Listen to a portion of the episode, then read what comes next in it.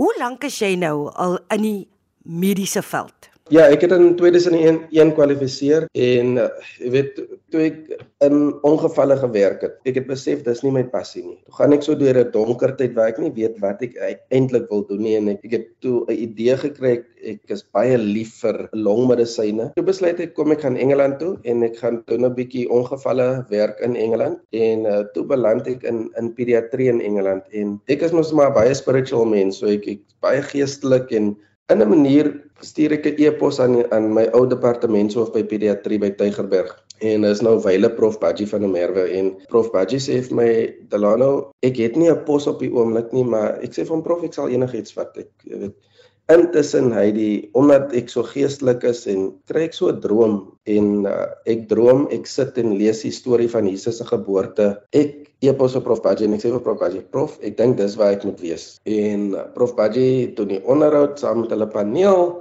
Hulle laat weet my toe hier in November ek het 'n werk in pediatrie, maar ek dog ag is net 'n gewone werk as 'n as 'n gewone dokter in pediatrie. En ek kontak die sekretaresse en sy sê vir my nee, jy begin spesialiseer in pediatrie. Jy weet en ek is toe stom geslaan. Dit was nie 'n maklike paadjie nie. Ek het maar my struikelblokke gehad in pediatrie en jy weet met die eksamens, is moeilike eksamens. My vrou is in daai tyd in die tweede jaar van my spesialiteit swanger en ons eerste kind is gebore. Lieflike tye en ek doen toe aansoek om verder te spesialiseer in uh, longsiektes in kinders, dis pulmonologie. Nog 2 jaar en ek die klein normale maar ouetjie wat tussen Kraaifontein en Rywensmeet geleef het, het toe ook hy kwalifiseer as 'n dokter en toe het hy 'n pediater geword en nou is hy 'n pulmonoloog vir kinders en dis waar ek wil wees, dis my passie wat ek wil doen. Nou nog beklei ek dat ons dinge reg moet maak. Maak nie saak of dinge reg gaan nie, ek beklei om om beter te maak. So dit is die liefde wat ek het vir my werk en vir die kinders. Passie kom altyd iewers vandaan. So dis hoekom ek vir jou vra. Jy sê nou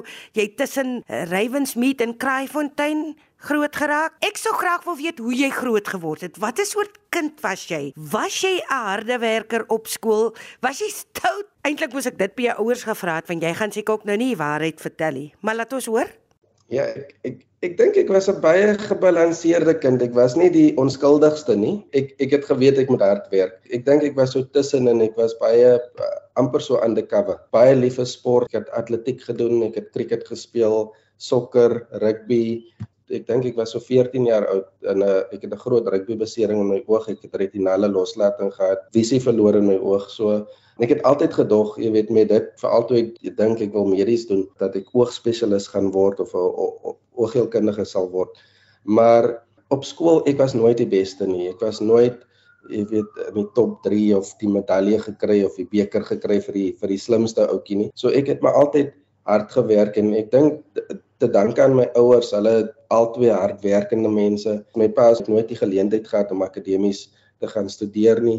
My hmm. ma is 'n onderwyser gewees. Ek het albei kant gesien. Ek het gesien my pa werk baie hard, soggens baie vroeg uit, saans baie laat gekom. So dit was altyd in die agterkop. So my ma en pa het baie broers en susters en naweke vakansietye was maar altyd met hulle spandeer. So ons was altyd 'n groep kinders en hoekom ek sê tussen Kraaifontein, ons het gebly in Kraaifontein maar 'n deel van my laerskoollewe was in Kraaifontein. Toe het ons oor het ek oorgeskuif hoërskool toe na Rywensmeet Sekondêr. Um ek was die eerste paar jaar daar en toe het ons verhuis Kuilsrivier toe en toe het my ma gevoel okay maar sy is by Scottsdene, so ek moet my hoërskoolloopbaan voltooi um in Scottsdene en en um ek het daar akademies begin daar het ek harder begin werk en beter begin doen. Ek het nooit gedink ek wil 'n dokter word nie. Ek was lief vir diere.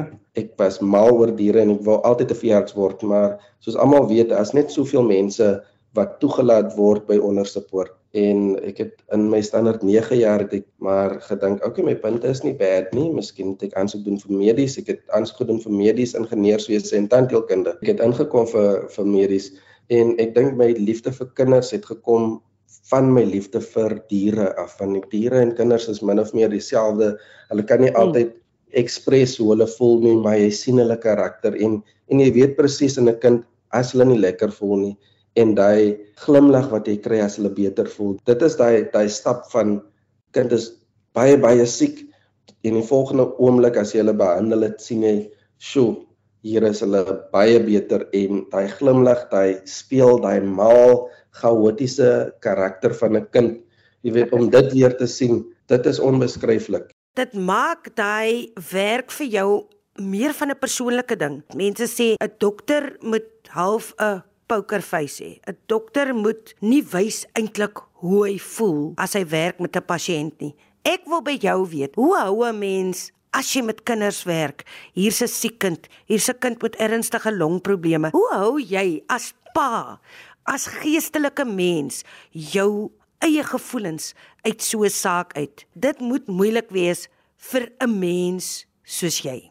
Jy weet jy kan dit skei, maar wat hou jy weg van jouself, van jou passie en van jou pasiënt af as jy dinge skei? Dis altyd wat ek myself vra. As ek 'n kind hanteer, dan sal ek hom hanteer soos my eie kind, soos wat ek wou hê mense moet my kind hanteer. 'n Mens raak persoonlik betrokke, veral as jy kroniese kondisies in kinders sien um, as jy 'n kind ventileer in 'n intensiewe sorg, um, jy raak betrokke en, en en dit vat aan jou en jy sit emosioneel. Jy mag dit soms nie wys nie, maar jy sit emosioneel en psigies jou alles in om dinge beter te probeer maak vir daai kind. En soms raak dit beter en soms raak dit nie beter nie. Jy weet dit is moeilik as jy 'n kroniese langtermyn pasiënt het en en jy weet wat die verloop van die siekte gaan wees en jy weet die tekortkominge wat ons in ons land het en tekortkominge wat jy het om daai pasiënt te help, dan moet jy sekere dinge tot die beste van jou vermoë probeer doen. Dit is moeilik soms, maar jy moet maar altyd die beste probeer gee van jouself vir daai spesifieke pasiënt. Kinders skryp in jou hart in. Die mooi ding van my werk en van my passie is daai glimlag wat jy sien as dinge beter gaan. Daar is trane dalle, maar ek dink jy weet the joy van wat jy sien as jy in 'n kind se oë kyk. Hulle sê die oë is die venster van die siel en kinders kan nie onmiddellik sien hulle is nie lekker nie en hulle is of hulle is nou happy en hulle hulle vat nou weer die plek oor. Delano, in jou veld spesifiek, wat voel jy moet nog gebeur om jou hart bly te maak en om jou werk beter te kan doen? Wat is jou drome vir jou veld, vir jou passie, vir hierdie werk as pulmonoloog? My droom is dat jy weet kinders nommer 1 hulle moet nie siek wees nie want dis ons klein wonderwerkies van die lewe te groot jy weet voorreg. My drome vir longsiekte het ons het baie tekortkominge ons het baie tegnologie goedjies wat ons nie in Suid-Afrika het nie wat ons nie toegang het tot Suid-Afrika nie behandelingstegnieke ons het nie noodwendig in kinders longoorplantings nie. Ek droom dat eendag ons kan 'n pragtige eenheid hê waar ons al daai fasiliteite vir ons alledaagse kinders kan gee wat nie die toegang het tot dit noodwendig nie, wat nie die finansiële kapasiteit het nie. So ek het maar altyd 'n sagte plekkie vir die gemeenskap en ek het maar altyd 'n sagte plekkie vir die ouetjie wat daar in die in die straat hardloop wat nie toegang het tot enigiets nie en hooplik kan ons dinge verbeter oor die jare. Tuberkulose is 'n groot probleem in die Weskaap en veral in ons Kaapse Skiereiland streek. Ek sien ontsettend baie kinders met kroniese longsiekte, met kroniese hoes, kroniese lugweginfeksie. Ek wil dit graag beter maak. Ek wil dit in 'n beter kondisie bring. Of ek dit kan doen en of dit in my tyd gaan wees, weet die Vader, maar ek sal nog altyd streef om beter te doen vir elke ouetjie wat ek sien.